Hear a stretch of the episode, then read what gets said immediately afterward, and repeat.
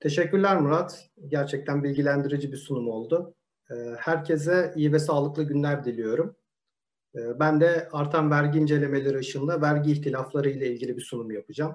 Ee, burada vergi incelemelerindeki son yaklaşımlar, inceleme elemanlarında özellikle önem verdiği hususlar ve güncel mahkeme kararları ile ilgili bazı hususları sunmaya çalışacağım. Sorularınız olursa yazılı olarak iletebilirsiniz. Soru cevap bölümünde bunları cevaplamaktan memnuniyet duyarım. Önce vergi incelemeleriyle ilgili genel durumu kısaca özetlemek isterim. Ee, şimdi belki çok hoşunuza gitmeyecek bir haberle başlayalım. Ee, vergi incelemelerinin ciddi oranda artmasını bekliyoruz. Ee, bu sadece bizim şahsi öngörümüz değil. Vergi Denetim e, Kurulu ile yapmış olduğumuz görüşmelerde e, başkan ve başkan yardımcısı seviyelerinde bunlar e, iddialı bir şekilde dile getiriliyor. Geçen yıl 2018 yılı incelemelerinin yoğun şekilde başladığını gördük. Ee, şu aralarda belki bazılarınızın başına gelmiştir. 2019 yılı incelemeleri yoğun bir şekilde başladı. Ee, bakalım buradaki süreçleri takip edeceğiz. Ee, risk analiz sisteminin çok daha yoğun bir şekilde kullanıldığını görüyoruz.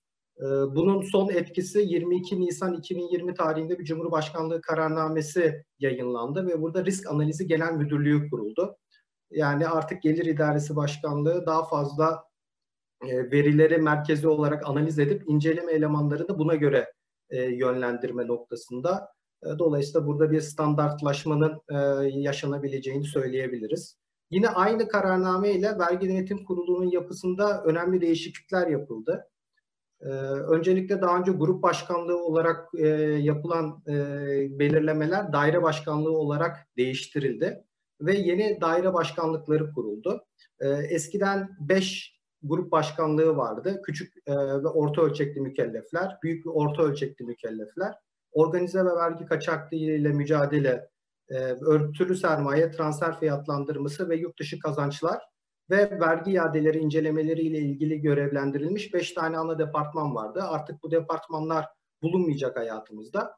Bunun yerine e, 4 tane yeni daire başkanlığı geldi. Bunlar denetim, e, vergi kaçakçılığı denetim, vergi iadeleri denetim ve sektörel denetim daire başkanlıkları.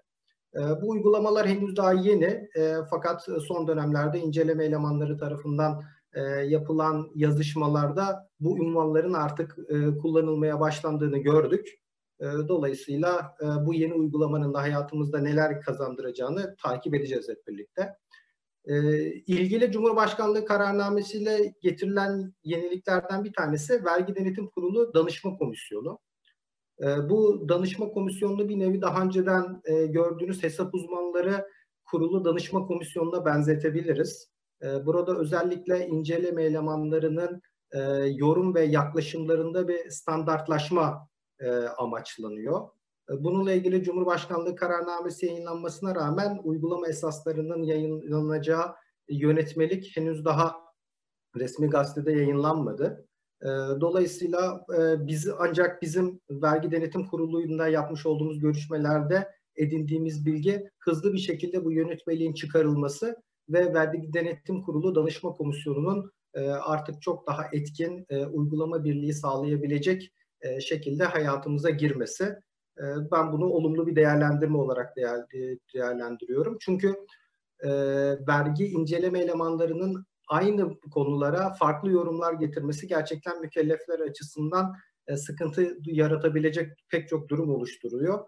Dolayısıyla buradaki standartlaşma hem idare açısından hem de mükellefler açısından olumlu olacaktır diye düşünüyorum. E, vergi müfettişlerinin performans kriteri vergi denetim kurulu tarafından e, hayata geçirilmesi düşünülen hususlardan biri.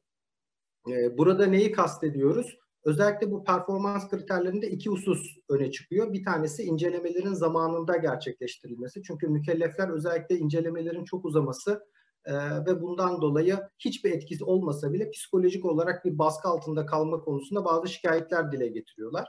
Birincisi bu. E, ikincisi de vergi müfettişlerinin hukuka ve kanunlara daha bağlı incelemeler yapabilmesi açısından e, hem rapor değerlendirme komisyonunda raporların değiştirilmesi hem de yargıda e, inceleme elemanlarının e, iddia etmiş olduğu tahiyatların e, iptal edilmesinin bir performans kriteri haline getirilmesi düşünülüyor. ben gerçekten inceleme elemanlarının yorumlarında bir standart ve disiplin getirmesi açısından bunu da çok önemsiyorum. Gelişmeleri takip edeceğiz. vergi incelemelerinin idarenin pek çok alanında olduğu gibi burada da dijitalleşme trendini takip ettiğini görüyoruz. Mevcut durumda hala tutanaklar, karşıt incelemeler ve benzeri yazışmalar hala hard copy olarak yapılıyor. Fakat yeni sistemde bunların elektronik ortama geçirilmesi, e-imza ile imzalanması gibi usuller olacak. Bunlar da hem kağıt yükünün azalması hem dokümanların arşivlenmesi ve daha etkin bir şekilde taraflarca paylaşılması açısından önemli. Ayrıca COVID'in hayatımıza getirmiş olduğu uzaktan çalışma ve sosyal mesafe kuralları düşünüldüğü zaman buraya da olumlu bir tik atmak mümkün diye düşünüyorum. Son zamanlardaki incelemelerde özellikle 2018 yılı incelemelerinde e, küçük ve orta ölçekli mükellefler grup başkanlığında görevli veya İstanbul dışında görevli e, vergi müfettişlerinin İstanbul'daki büyük mükellef vergi incelemelerinde görevlendirildiğine e, şahit oluyorduk. Bu ilk başta bunlara biraz yadırgadık açıkçası fakat şu anda bunlar yaygın hale geldi. Dolayısıyla evet burada bazı usul açısından hususlar düşünülebilir. E, fakat e, hayatımızdaki fiili durum bu. Hukuka aykırı olduğunu iddia etmek de çok kolay değil. E, bu trendin devam edeceğini düşünüyoruz. E, yine hayatımızda incelemelerle ilgili e, son dönemlerde değiştiğini düşündüğüm hususlardan biri belki hatırlarsınız. Eskiden incelemeler önce incelemeye davet yazısıyla başlardı.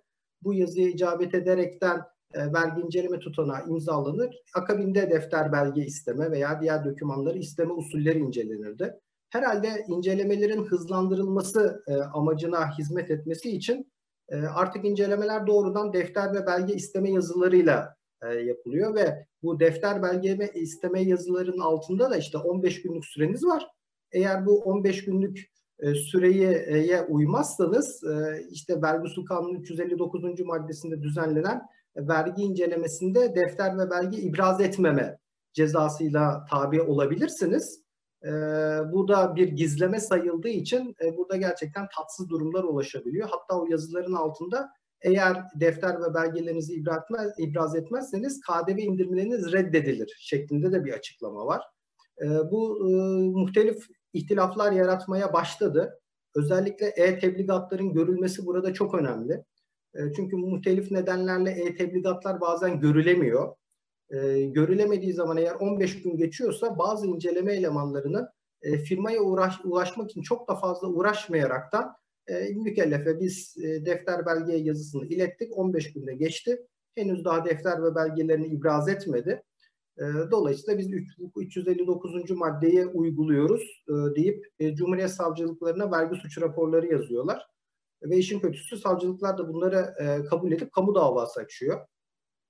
Dolayısıyla burada e-tebligatların özellikle takip edilmesini vurgulamak isteriz. Gerçi şunu da hemen söylememiz lazım. Biraz az önce yapmış olduğumuz korkutucu durumu yumuşatmak açısından bir içtihatı birleştirme kurulu kararı var.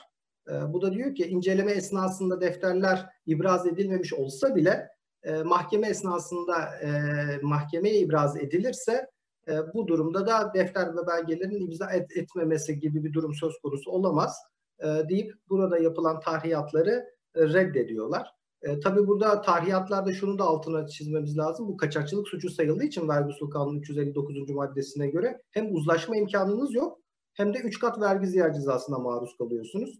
Dolayısıyla basit bir e, tebligatı görmemenin sonuçları gerçekten orantısız oluyor. Bu hususa dikkat etmenin altını tekrar çizmek istiyorum. E, rapor değerlendirme komisyonlarında dinlenme talebi var mükelleflerin. E, pek çok mükellef buna çekinceyle yaklaşıyor. Ya zaten raporlarımız değişmiyor ki neden bir daha gidip de vergi denetim kuruluyla görüşelim diye. Benim son zamanlardaki tecrübelerim e, vergi denetim kurullarının artık bu konuda son daha hassas olduğu, e, raporları değiştirme konusunda daha istekli olduğu e, konusunda. Dolayısıyla bunu artık bir usulü e, yöntemin ötesinde raporları değiştirebilecek bir yönteme de geliyor. Yukarıda özellikle vergi müfettişlerinin performans kriterlerinden birinin de rapor değerlendirme komisyonlarında raporlarının değiştirilmemesi olmasının planlandığını belirtmiştim. Bu ikisini bir araya getirince vergi incelemelerinde rapor değerlendirme komisyonlarında dinlenme taleplerinin yapılmasının e, mükelleflerin e, lehine olacağı gibi bir sonuca varıyorum. E, bunun da değerlendirilmesi bence faydalı olur. E, bir diğer husus son zamanlardaki incelemelerde e, belirli bir vergide, belirli bir yıla ilişkin birden çok konuda e, eleştiri getirilebildiğini görüyoruz ki bu son derece normal. E, ancak burada örnek veriyorum 2018 yılı kurumlar vergisi beyannamesi 5 tane konu var. Bu 5 tane konudan 3 tanesine davaya gitmeyi düşünüyorsunuz. 2 tanesine uzlaşabileceğinizi düşünüyorsunuz. E, maalesef e, vergi daireleri uzlaşmalarda e, ihbarname bazındaki hususların konu bazında bölünerekten parça parça uzlaşılmasına, kısmi uzlaşılmasına pek sıcak bakmıyorlar. E, hani reysen veya ikmalen tarihiyatları bölüyorlar. Yıllar itibariyle veya vergi türü bazında zaten ayrı ayrı ihbarnameler geliyor. Fakat tek ihbarnamenin konu bazında bölünmesi e, konusunda bazı e, yaklaşımsal sıkıntılar var. E, bu hususu idareyle görüşüyoruz. E, fakat açıkçası idare bu konuda biraz kararlı. İnceleme elemanlarının son dönemlerde yapmış olduğu e, incelemelerde öne çıkan bazı hususları sizlerle paylaşmak isterim. E, bir süreden beri devam eden yurt dışındaki grup şirketleri tarafından kesilen management fee olarak adlandırdığımız idare ve yönetim hizmetleriyle ilgili e, eleştiriler devam ediyor. E, burada iki tane temel e, argüman var. Bunlardan bir tanesi bunların aslında know-how içerdiği için gayrimaddi hak olması gerektiği ki bunun sonucu %10 e, oranında stopaj veya e, bu hizmetlerin aslında transfer fiyatlandırması şartlarını sağlamadığı o ne demek? E, işte hizmetin gerçekten verilmediği veya lokal firmanın bu hizmetlere ihtiyaç duymadığı hususları yeteri kadar ispatlanamazsa transfer fiyatlandırması açısından tüm e, hizmet e, yansıtmalarının reddedilmesi durumu ortaya çıkabiliyor. E, bunun sonucu da hem kurumlar vergisi matrah düzeltmesi hem de %15 stopaj oluyor. Dolayısıyla bu tür durumlar varsa buradaki dokümantasyonun çok iyi yapılması gerektiğini buradan tekrar hatırlatmak isterim. Yurt dışına ödenen marka kullanım veya royalty bedelleri üzerindeki incelemeler devam ediyor. Buradaki incelemeler genelde transfer fiyatlandırması açısından ve oran incelemesine yönelik. E, ileride tekrar bahsedeceğiz. Burada gizli emsal e, kullanımı yani diğer firmaların uygulamış olduğu e, oranların sizin firmanızda karşılaştırmada kullanıldığına sık bir şekilde rastlıyoruz bu gizli emsal kullanımını ileride yorumlayacağım. E, bilgisayar programı e, lisans ve bakım bedelleri e, yine inceleme elemanlarının son dönemlerde e, eleştirmeyi sevdiği konulardan.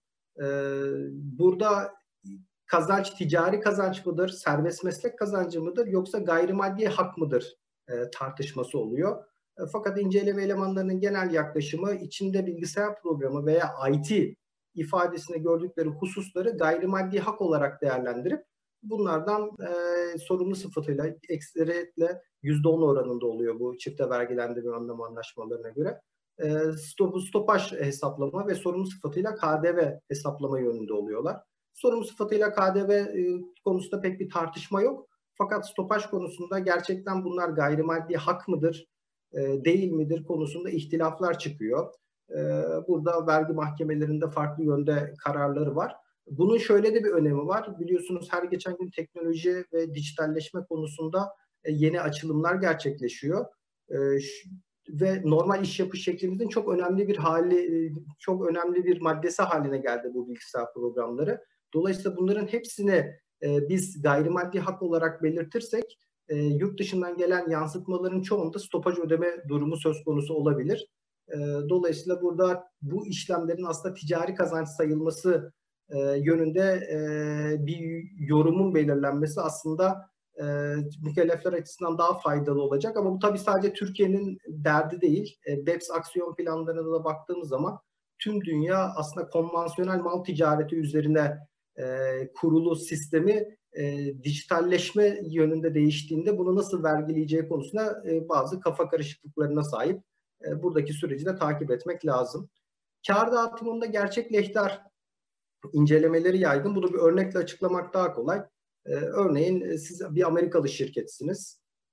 fakat Türkiye'deki iştirakinize yatırımı Türkiye'nin vergi anlaşmasıyla daha avantajlı olarak belirlediği başka bir ülkeye yapıyorsunuz. Yani Türkiye'den doğrudan Amerika'ya kayar dağıtımı yaptığınız zaman %15 stopaja tabi. E, fakat Türkiye'nin vergi anlaşmasına göre bir farklı oranlar uygulanıldığı, daha düşük oranların uygulandığı, örneğin yüzde beş veya yüzde on bir ülkede Türkiye'deki şirketin hisselerine sahip bir holding şirketi kurarsanız bu zaman bir vergi avantajı sağlayabiliyorsunuz. Çünkü yüzde on beş yerine yüzde beş veya yüzde on vergileme yapabiliyorsunuz. Buradaki hukuki temel tartışılır. Fakat inceleme elemanları bu tür yapılarda artık bu işin gerçek lehtarı yurt dışındaki ana firmadır. Aradaki holding firmasının aslında bir e, substance dediğimiz sermayeye e, yönetim veya personel yapısı açısından bir varlığı yoktur. E, dolayısıyla ben bu aradaki şirketi vergileme açısından yok sayıyorum. Doğrudan bu ödemeler nihai şirkete yapılmış gibi sayıyorum şeklinde e, eleştirileri söz konusu. Global yapıların bu çerçevede değerlendirilmesi faydalı olabilir. Daimi temsilci iş yeri ve elektronik iş yeri e, hayatımızda önceden pek görmediğimiz fakat hızlı bir şekilde e, yaşadığımız hususlar. Özellikle antrepolarda dar mükellef e, ana şirketlerin yapmış olduğu teslimlerde Türkiye'deki firmaların dahil olduğu durumda orada elde edilen ilave karlar e, inceleme elemanlarının radarında şu anda. Bunun dışında elektronik işyerleri e, çok eleştiriliyor. İşte bu uluslararası e, vergi kurallarının mevcut e, dijital ve elektronik vergileme konusunda bazı noksanları olduğunu belirtmiştik. Bunlardan biri de e, elektronik iş yerine henüz daha tam tanımlayamamaları. E, idare e, e, inceleme elemanları diyelim. E, burada e, özellikle yurt dışındaki bu dijital hizmet şirketlerinin e, Türkiye'deki irtibat kişileri, irtibat ofisleri veya e, hiçbir şey olmasa bile o ilgili sosyal e, mecralara, dijital hizmet şirketlerinin e, yayın yapabildiği alanlara ulaşan ekranları da iş yeri sayma eğiliminde olduğunu görüyoruz. E, bu konuda devam eden incelemeler var. E, bunun sonuçlarını e, açıkçası takip etmekte fayda var. E, ekspat ücret yansıtmalarının serbest meslek kazancı olarak sayılması önce özelgelerle hayatımıza girdi. Daha sonra bu konuda incelemeler başladı. E, burada ilerleyen bölümlerde de belirteceğim lehe ve aleyhe yargı kararları var. E, kısaca şunu söylüyor, yurt dışında sizin bir ekspatınız var, yurt dışındaki grup şirketinden gönderildi. Oradaki şirket ücreti size yansıtıyor. Siz de ekseriyetle bunu Türkiye'de bir ücret olarak gördüğünüzden Bodro'ya koyup ilgili stopajları ödüyorsunuz. Fakat inceleme elemanlarının yaklaşımı şirket ücret geliri elde edemez. Elde etse etse serbest meslek kazancı geliri elde edebilir. Dolayısıyla sen bu ödemelerden ücret stopajı değil de serbest meslek stopajı yapacaksın. Dolayısıyla bir yüzde yirmi stopajı devlete ödeyeceksin. E peki ücret kısmı ne olacak? E, ücret kısmı da personelin şahsi yükümlülüğü. E, bu yabancı personel Türkiye'de gelir vergisi beyannamesi vermek suretiyle e, konuda elde etmiş olduğu ücret gelirinin vergisini ödeyecek. Dolayısıyla bir ödemeden aslında iki vergi e, çıkması gibi bir sonuç e, ortaya çıkıyor. E, bu yapıların kontrol edilmesinde fayda var. Ödemede oluşan kur farklarında KDV ve stopaj konusu yine bir süredir devam eden bir konu. Bu konuda güncel mevzuat değişikliği var. Önce KDV ile ilgili kısmı söylemek lazım. Özellikle 7161 sayılı kanun ki 2019'un başında yürürlüğe girmişti. Bundan önceki dönemlerde ödemede oluşan kur farkı ile ilgili vergi kanunlarında açık bir hüküm olmadığından açıkçası kazanma ihtimalini yüksek görüyoruz. Fakat 7161 sayılı kanun sonrasında yapılan e, stopajı e, yurt dışına yapılan yansıtmalarda ödemede oluşan kur farkları ile ilgili olarak e, inceleme elemanlarının daha yoğun eleştiri getireceği kanaatindeyiz. E, yargıda kazanma ihtimali konusunda da açıkçası bazı tereddütlerimiz var. E, fakat stopaj konusunda yargının son zamanlarda vermiş olduğu kararlara baktığımız zaman hani gelir vergisi kanunu da kur farklarının stopaja tabi olduğuna ilişkin bir düzenleme bulunmadığından buradaki davaların kazanıldığına şahit oluyoruz. Belki bu davalar böyle devam ederse gelir vergisi veya kurumlar vergisi kanununda KDV kanununa benzer bir değişiklik yapılması da e, gündeme alınabilir. Dernek ve aidat ödemeleri e, öne çıkıyor. E, inceleme elemanları neredeyse ortak bir kanaatle eleştirdiği konulardan biri. Eğer o derneğe e, üyelik kanuni bir zorunluluk değilse bu amaçla yapılan harcamaları işle ilgili olmadığı iddiasıyla reddediyorlar. E, reklam ve sponsorluk konusu e, son zamanlarda yine karşımıza çıkan hususlardan biri. E, burada çünkü reklam dediğiniz zaman doğrudan gider yazma şansınız varken sponsorlukta bazı şartlara bağlı olaraktan gider yazabiliyorsunuz ve çoğu durumda gider yazamama imkanınız var. Ee, burada güncel bir mahkeme kararında yapılan ayrım önemli. Hani ne reklamdır ne sponsorluktur çoğu zaman bunun kriterini belirlemek kolay değil. Ee, şöyle e, belirlemiş mahkeme, desteklenen kurumun imaj ve prestijinden yararlanılıyorsa e, bunu sponsorluk olarak değerlendirmiş. Eğer desteklenen kurumun imaj ve prestijinden yararlanma durumu yoksa bunu reklam olarak değerlendirilmiş. Bu tabii çoğu durumda sponsorluğa biraz daha kapı açan bir yorum. Bu mahkeme kararı da gerçekten ilerleyen durumlarda iç, yargının ortak içtihatı haline gelecek mi? Bunu gözlemleyeceğiz. İnceleme elemanlarının son incelemelerde, son zamanlardaki incelemelerde özellikle bir harcamanın gider olarak dikkate alınmasında doğrudan illiyet bağı ve hatta mecburilik kriterlerini öne çıkardığını görüyoruz. Raporlarında özellikle bu mecburilik ifadesini de kullanabiliyorlar. Tabii bu doğrudan illiyet bağı ve mecburilik e, subjektif bir kavram. E, hani burada hukuki mecburilikten mi bahsedeceğiz, ticari mecburilikten mi bahsedeceğiz, teknik mecburilikten mi bahsedeceğiz? E, ne doğrudan ilgilidir, ne doğrudan değildir? E, burada gerçekten mükelleflerle inceleme elemanları arasında ihtilaf yaratabilecek geniş bir alan açıyoruz. Ben açıkçası bu özellikle mecburilik kavramını e, biraz zorlama bir yorum olarak değerlendiriyorum e, ve yargının da buradaki yaklaşımını takip etmek lazım. Zarar telafi fonu eskiden beri eleştirilen hususlardan biri hala eleştiriliyor. Zarar telafi fonlarının vergilendirilebilir kazanç e, olduğu iddiasında inceleme elemanları ve bu konuda gözlerini kırpmadan raporlar yazıyorlar.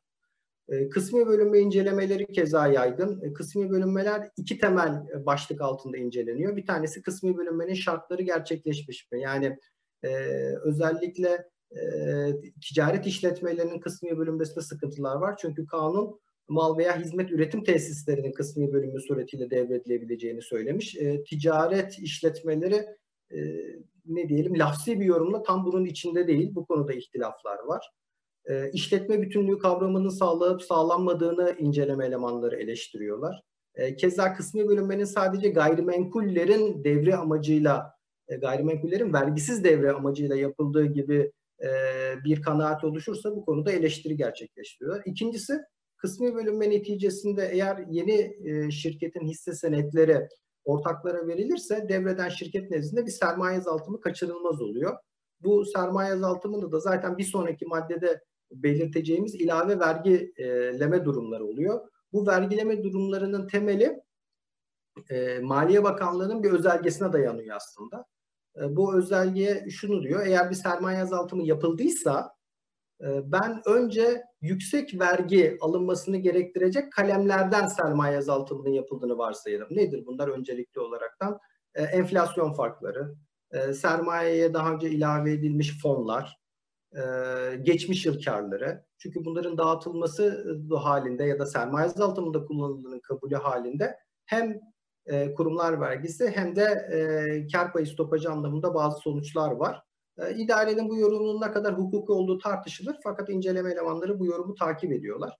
E, kısmi bölünmede e, tabii ayrı e, bu sermaye farklarının ayrı hesaplarda takip edilmesi e, konusu var. İdare bazı muktezalarında ve bir taslak tebliği vardı. Burada gündeme getirmişti.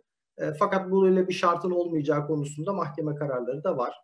E, hisse senetlerinde KDV, e, basılı hisse senetleri veya muhabere bağlanmış hisse senetlerinde normal koşullarda aslında KDV yok. KDV kanunu 17.4G maddesi uyarınca. Fakat buradaki ispat e, konusunda bazı tereddütler var. Dolayısıyla biz buradan genel bir tavsiye olaraktan özellikle pay defterine hisse senetlerinin basıldığı durumda mutlaka basılı olduğuna ilişkin e, bir kaydın düşülmesini tavsiye ediyoruz. Aksi durumda inceleme elemanları farklı yorumlara gidebiliyor.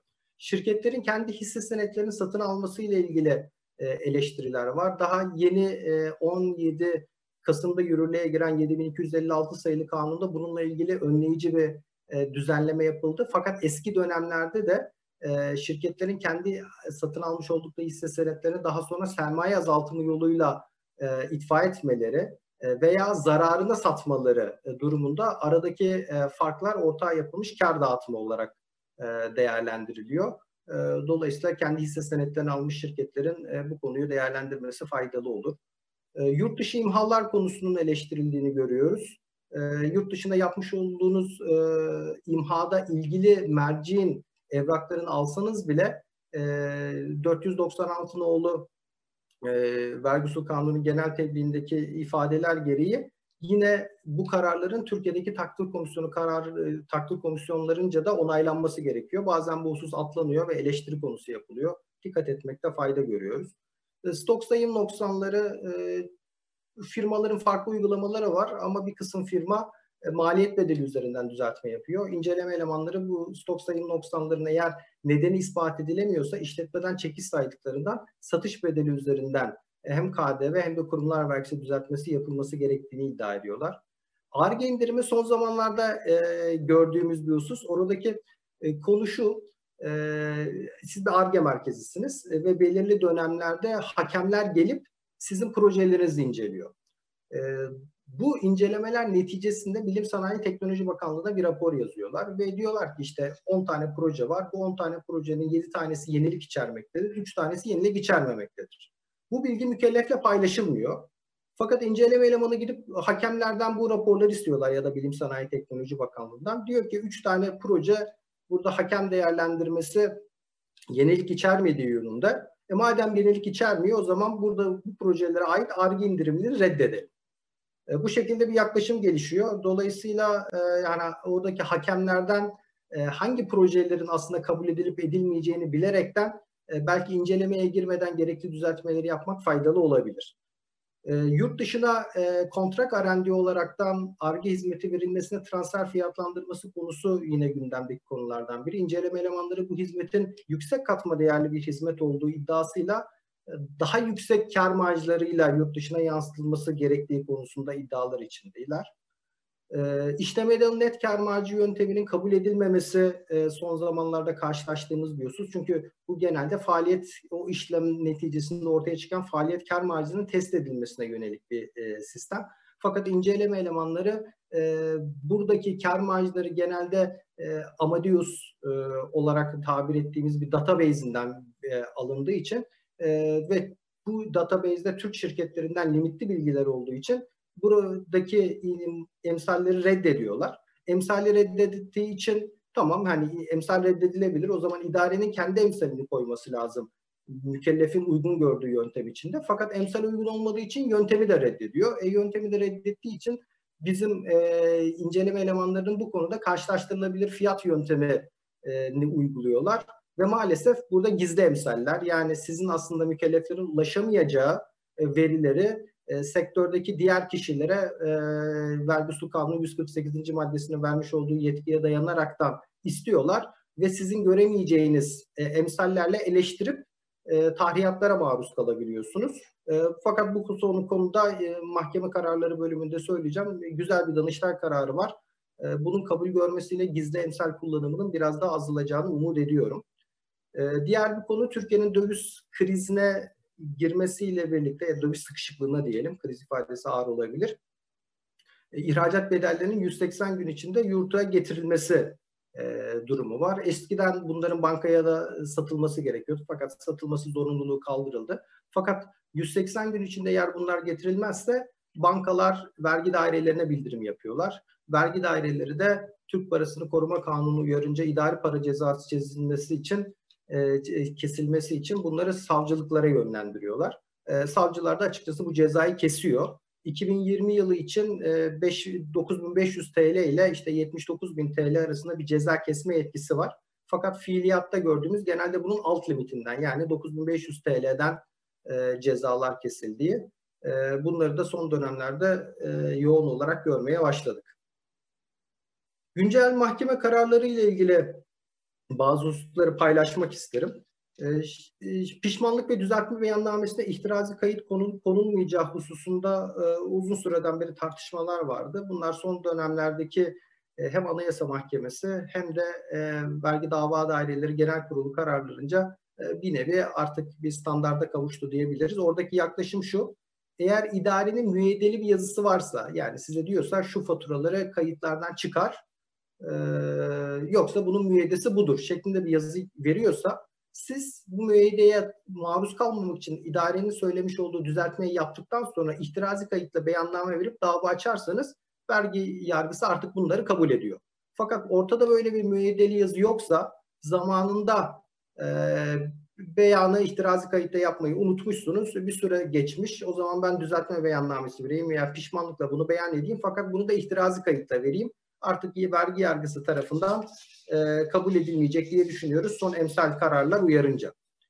E, vergi tekniği raporunun ihbarname ekimde tebliğ edilmemesi e, yani burada da hem e, Anayasa Mahkemesi hem de Vergi Dava Daireleri Genel Kurulu'nun kararı var. E, açıkçası beni biraz hayal kırıklığına uğratan bir karar. Çünkü burada e, vergi tekniği raporunun tebliğ ekinde gönderilmemesi e, adil yargılama ilkesini etkileyen bir durum değildir. Dolayısıyla işin esasına girilerekten e, kararın verilmesi gerektiği şeklinde yorumlar var.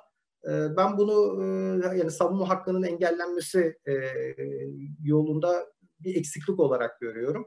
E, çünkü bence ihbarname ekinde kişilerin neyle suçlandıklarını bilebilecek teknik detaya sahip olmaları lazım. E, fakat dediğim gibi hem Anayasa Mahkemesi hem de Vergi Dava Daireleri Genel Kurulu bu yönde mükellefler aleyhine karar verdi maalesef. E, yine son zamanlardaki bir değişiklik e, normalde zaman aşımı 5 yıl e, fakat takdir komisyonunda sevk durumunda bunun bir yıl uzaması durumu e, söz konusu. E, vergi yargısı uzun süreden beri bu 5 yılın sonunda takdir komisyonuna sırf zaman aşımı süresini bir sene uzatmak için yapılan e, takdir komisyonuna sevk işlemlerini e, bir iptal nedeni olarak görüyordu. E, açıkçası bence de makul e, bir yaklaşımdı bu. E, idarenin çünkü inceleme ile ilgili görevlerini e, hukuki açıdan zamanında yapması beklenir. E, fakat e, özellikle 2020 yılında yapılan kararlarda, e, verilen kararlarda e, vergi yargısı artık e, son anda bile yani zaman aşımı süresinin son anlarında bile olsa takdir komisyonu sek nedeniyle e, yapılan işlemlerin zaman aşımı süresini bir yıl uzatacağı noktasına geldi. Dolayısıyla hani zaman aşımı süresini durumunda artık 5 yıl değil de 6 yıl olarak e, değerlendirmek yanlış bir yaklaşım olmayacak. E, KDV iadesindeki gecikmeler pek çok kişinin malumu mükelleften de kaynaklanabiliyor, vergi dairesinden de kaynaklanabiliyor. Eğer vergi dairesinden kaynaklanıyorsa ve vergi e, iadesinde makul süre aşıldıysa bu tabii ki yoruma açık bir e, konu. Makul süre ne demek? E, bu konuda e, mükellefe faiz ödenmesi gerektiği konusunu söyleyen e, yargı kararları var. E, bunları değerlendirmek faydalı olur. E, yurt dışına ödenen ithalat komisyonlarında idarenin öteden beri görüşü bunların e, hizmetten faydalanma en sonunda Türkiye'de olduğu için çünkü Türkiye'ye ithal edilen bir malzeme var. Buna ilişkin komisyon faturalarının da aslında KDV'ye tabi olması gerektiği yönündeydi. E, fakat e, önce Danıştay kararı sonra da yargının geneline e, sirayet eden bir uygulamayla artık bu ithalat komisyonlarında hizmetten faydalanmanın yurt dışında olduğu, yurt dışındaki ihracatçının bu hizmetten faydalandığı, dolayısıyla KDV'nin olmayacağı yönünde bir görüş e, neredeyse istikrar e, kazandı idarede. Dolayısıyla bu gibi durumlar varsa önce ihtirazi kayıtla beyanname vermek suretiyle dava açılması düşünülebilir. Ee, yine yılların konusu bazı durumlarda e, unutuluyor, bazı durumlarda biraz daha gündeme taşınıyor. Ee, ihracat götür gideri kullanımında fiili harcama zorunluluğu olup olmadığı, idare öteden beri bir fiili harcama yapılması gerektiği e, noktasında e, fakat mükellefler fiili harcamada olmasa e, kanunda bana verilen ihracat bedelinin free on board bedelinin binde beşi kadar direkt ben bunu indirim olarak beyanname üzerinde gösterebilirim yöntemini benimsiyorlar. Ee, yine son zamanlarda bu konuda yine acaba yargı karar değişikliğine gitti mi, görüş değişikliğine gitti mi şeklinde bir e, korku ve tereddüt vardı. E, fakat son zamanlarda verilen kararlara baktığımız zaman e, yargının hala ihracat götür uygulamasına fiili harcama olmaksızın da bu indirim hakkından yararlanabileceği şeklinde görüşler verdiğini e, görüyoruz. Nakit sermaye arttırımı kurumlar vergisi indirimi e, pek çok ihtilafa sebebiyet verebilecek bir konu ama ben e, güncel sayılabilecek bir kararı paylaşmak istiyorum. Normalde ortaktan krediniz olduğunu düşünün. E, bu krediyi doğrudan sermaye ilave ettiğiniz zaman nakit sermaye arttırımı kurumlar vergisi indiriminden yararlanamıyorsunuz. Tamam. Fakat e, nakit sermaye artışı yaptınız. Bu ilave kaynakla da gidip ortak kredisini kapattınız. Yani bu aslında sermayeyi do, ortak e, kredisini doğrudan sermaye ilave etmekten ekonomik olarak çok farklı değil. Sadece kulağınızı ters yönden göstermiş oluyorsunuz. Bu konuda ihtirazi kayıtta verilen e, bir beyannameye açılan dava var e, ve vergi yargısı e, burada mükellef haklı buldu. E, önce nakit sermaye artımı, yani şartlar şeydir, nakit sermaye artışı yapılmış, kanundaki şartlar sağlanmıştır. Daha sonra bu paranın nasıl harcandığı e, indirim şartı değildir şeklinde mükellef yerine bir karar verdi. Bu bölge idare mahkemesi kararı. Danıştay'ın e, bu kararı benimseyip benimsemeyeceğini takip etmemiz lazım. E, örtülü sermaye karşı taraf düzeltmesinde e, indirim şartı için e, ta, vergilerin tahakkuk etmesi, kesinleşmesi ve ödenmesi şartı var. Fakat buradaki konu e, eğer şirket geçmiş yıl zararı varsa veya muhtelif indirimleri varsa veya cari dönemde zarardaysa vergi tahakkuk etmesine rağmen ödeme durumu ortaya çıkmıyor. Peki böyle bir durumda e, örtülü sermaye nedeni kapsamındaki kredide faiz geliri elde eden karşı tarafın bunu indirim konusu yapıp yapamayacağı konusu ihtilaflı bir konu. E, Danıştay'ın dava daireleri arasında açıkçası bir e, farklı görüş var. Danıştay 4. daire ödemenin mutlaka fiilen yapılması gerektiğini e, ararken Danıştay 9. dairesi 2019 yılında vermiş olduğu bir kararda tahakkuk etmesi yeterlidir. Eğer mükellef ödeme durumunda değilse ödeyemez ama ileride ödeme durumuna geçebilir. Dolayısıyla bu hakkının zayi olması anlamına gelmez. Dolayısıyla fiilen ödeme yapılmasa bile karşı taraf iştirak kazancı düzeltmesi yapılabilir şeklinde bir görüş verdi. Tabii bu konu daha sonra Vergi Dava Daireleri Genel Kurulu'na intikal etti ve maalesef diyelim Vergi Dava Daireleri Genel Kurulu Danıştay 4. Dairesi'nin görüşünü şu anda benimsedi. Fakat ben hala bu konuyu çok 50-50 görüyorum. Ee, bu, bu konuda hani Danıştay 4. Dairesi'nin de e, bir karar değişikliği olabilir. Dolayısıyla burada e, ihtirazi kayıtla beyanname alternatifinin mükelleflerin gündeminde olması bence faydalı olur. Kısmi bölünme kısmından daha önce bahsetmiştik. Ee, yine güncel bir e, bölge mahkemesi kararında kısmi bölünme neticesinde yapılan sermaye azaltımının vergilendirilmemesi için ayrı hesaplarda takip edilmesi gibi bir zorunluluğun kanunda olmadığını e, belirtti. E, dolayısıyla bunu da olumlu bir karar olaraktan e, not etmek lazım. Yani kısmi bölünme e, yaptığınız durumda eğer sermaye azaltımı gerçekleşiyorsanız burada enflasyon farkları veya geçmiş yıl karları gibi hususların vergilendirilmemesi konusunda elimizi kuvvetlendirecek bir mahkeme kararımız var. E, expat ücret yansıtmalarından bahsetmiştim. İnceleme elemanları bunların aslında ücret olarak değil de serbest meslek kazancı olarak değerlendirilmesi ve stopaja tabi tutulması gerektiği konusunda eleştirilerde bulunuyorlar. Buradaki e, yargı kararlarına baktığımız zaman olumlu kararlar da var, olumsuz kararlar da var. E, hani 2017 yılında bununla ilgili bir olumsuz karar vardı. Oradaki temel argüman da e, iş kanundaki geçici çalışma hükümlerine referans verilmiş. E, işte orada 6 aylık olur, en fazla 2 kere uzatılabilir şeklinde bir ifade var. Fakat Türkiye'ye gelen ekspatlar bazen daha uzun süre kalabiliyorlar.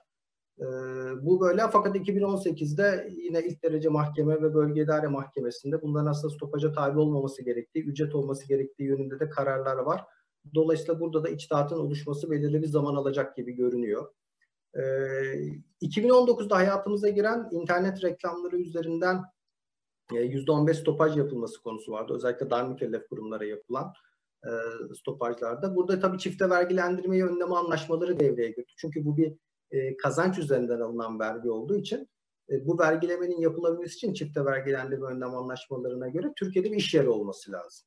E, elektronik iş yeri mevzuatımızda ve çifte vergilendirme önlem anlaşmalarında da olmadığı için eğer Türkiye'de bir iş yeri yoksa Türkiye'nin vergileme hakkı da yok. Dolayısıyla stopaj da yok. Sonucu çıktı.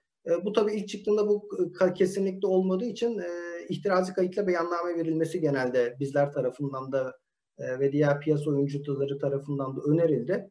E, mahkeme kararlarına baktığımız zaman mahkemeler gerçekten Türkiye'de eğer iş yeri yoksa Türkiye'nin vergileme hakkı ve dolayısıyla stopaj hakkı yoktur şeklinde kararlar verdiğini görüyoruz.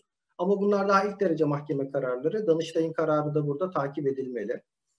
Ee, yine ilginç bulduğum bir karar sermaye ilave edilen geçmiş yıl karının e, tasfiye ile dağıtılması durumunda kar payı stopajı yapılıp yapılmayacağı e, konusu. Burada e, Danıştay yine iddialı bir e, ve mükelleflerin lehine bir karar vererekten artık sermayeye ilave edildiği andan itibaren e, ilgili kaynağın niteliği değişmiştir. Yani siz geçmiş yıl karını sermaye ilave ettiğiniz zaman artık bu geçmiş yıl karı değildir. Sermayenin bir unsurudur. Dolayısıyla bunun da geri dağıtımı noktasında e, kar dağıtımına göre stopaj yapılmaz, sermayenin azaltımına göre stopaj yapılır şeklinde bir yaklaşım var. Ve dolayısıyla vermiş olduğu kararda geçmiş yıl karının sermaye ilave edilen geçmiş yıl karının e, tasfiye sonucu dağıtılmasında stopaj olmaması e, şeklinde hüküm verdi. E, damga vergisiyle ilgili konulara e, bakmakta fayda var. E, bir kere e, Danıştay 9. Dairesi'nin 2018 yılında vermiş olduğu bir karar e, piyasada bayağı bir e, ses getirdi diyelim. E, çünkü yıllardan beri uygulanan uluslararası kurum e, ifadesine yurt dışındaki şirketlere dahil etti Danıştay 9. Dairesi. Böyle olunca e, yurt dışındaki grup şirketinizden kredi aldığınız zaman buna ilişkin e, sözleşmeye ait damga vergisi de aslında istisna olması gerekti. Çünkü bu uluslararası yurt dışındaki şirketiniz uluslararası kurum sayıldı. E, gelir vergisi, damga vergisi kanunun iki sayılı listesinde istisnalar düzenlenir. Burada 4 e, 4. maddenin 23. E, bendinde e, yurt dışındaki bankalar, finansal kurum, kredi kuruluşları ve uluslararası kurumlar tarafından e, kullandırılan kredilere ilişkin sözleşmeler damga vergisinden istisnadır der. Bu şirketleri de bu kapsama aldığımız için aslında damga vergisi ödenmemesi gerekiyordu. Pek çok şirket bununla ilgili olaraktan hem iftirazi kayıtla beyanname verdi hem de düzeltme şikayet yoluyla e, dava e, yoluna gitti. E, buradaki mahkeme kararlarını da takip ediyoruz. E, bu gündeminde alınması gereken konulardan biri olabilir. E, hukuki ispat ve belli et, etme kabiliyeti olmayan evrakların damga vergisine tabi olmayacağı belirlendi. Burada şu hukuken geçerlilik şartına bağlı bir sözleşme varsa ve bu geçerlilik şartına bağlı e, kural yerine getirilmiyorsa e, bu sözleşme hukuken yoksa diğer deyişle ya veya geçerli değilse bunlar üzerinden damga vergisi hesaplanmaz e, şeklinde mahkemeler karar veriliyor. Ve yine benim çok önemsediğim e, belli bir değeri ihtiva etmeyen kağıtlarda damga vergisi uygulaması. E, burada şununla karşılaşıyoruz. Bir alım taahhüdü var. E, şu kadar ton mal alacağım diye. Ve bunun da aslında o an itibariyle bir piyasa fiyatı da var. İdarenin yaklaşımı e, sözleşme üzerinde fiyat belirtilmese bile miktar çarpı o anki piyasa fiyatı ile bir damga vergisi matrağı oluşturmak yönünde. Fakat vergi yargısı bunu reddediyor. E, iki argümanla diyor ki sözleşmenin imzalandığı an itibariyle o fiyatın bilinmesi lazım. Fakat senin sözleşmende aslında ilerleyen dönemlerde bu fiyat belli olacak. Dolayısıyla sözleşmenin imzalandığı an itibariyle bu tutar belli olmadığından bu sözleşmeler damga vergisine tabi değildir şeklinde kararlar veriyorlar. E, ve benim çok sevdiğim hani kapanış kararım olacak bu. Transfer fiyatlandırması uygulamalarında gizli emsal ile ilgili bir karar. Yine Danıştay 9. Dairesi'nin bir kararı.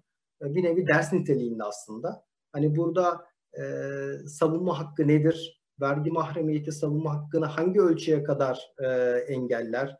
Silahların eşitliği, adil yargılama ilkesi e, bu gibi konuları işlemiş. E, Avrupa İnsan Hakları Mahkemesi'nin vermiş olduğu kararlara da e, atıf yapmış ve en nihayetinde gizli emsale dayalı transfer fiyatlandırması tarihiyatının yapılmasının hukuka uygun olmadığı kararına vermiş.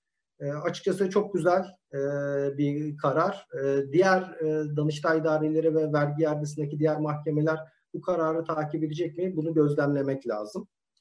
E, benim anlatacaklarım bu kadar. E, tabii pek çok e, ihtilaf unsuru vardır. E, hepsini e, anlatmaya zamanımız yeterli olmaz. Ee, ben dinlediğiniz için hepinize teşekkür ediyorum. Ee, hepinizi e, soru cevap kısmı ile ilgili olaraktan ana salona davet ediyorum. Görüşmek üzere.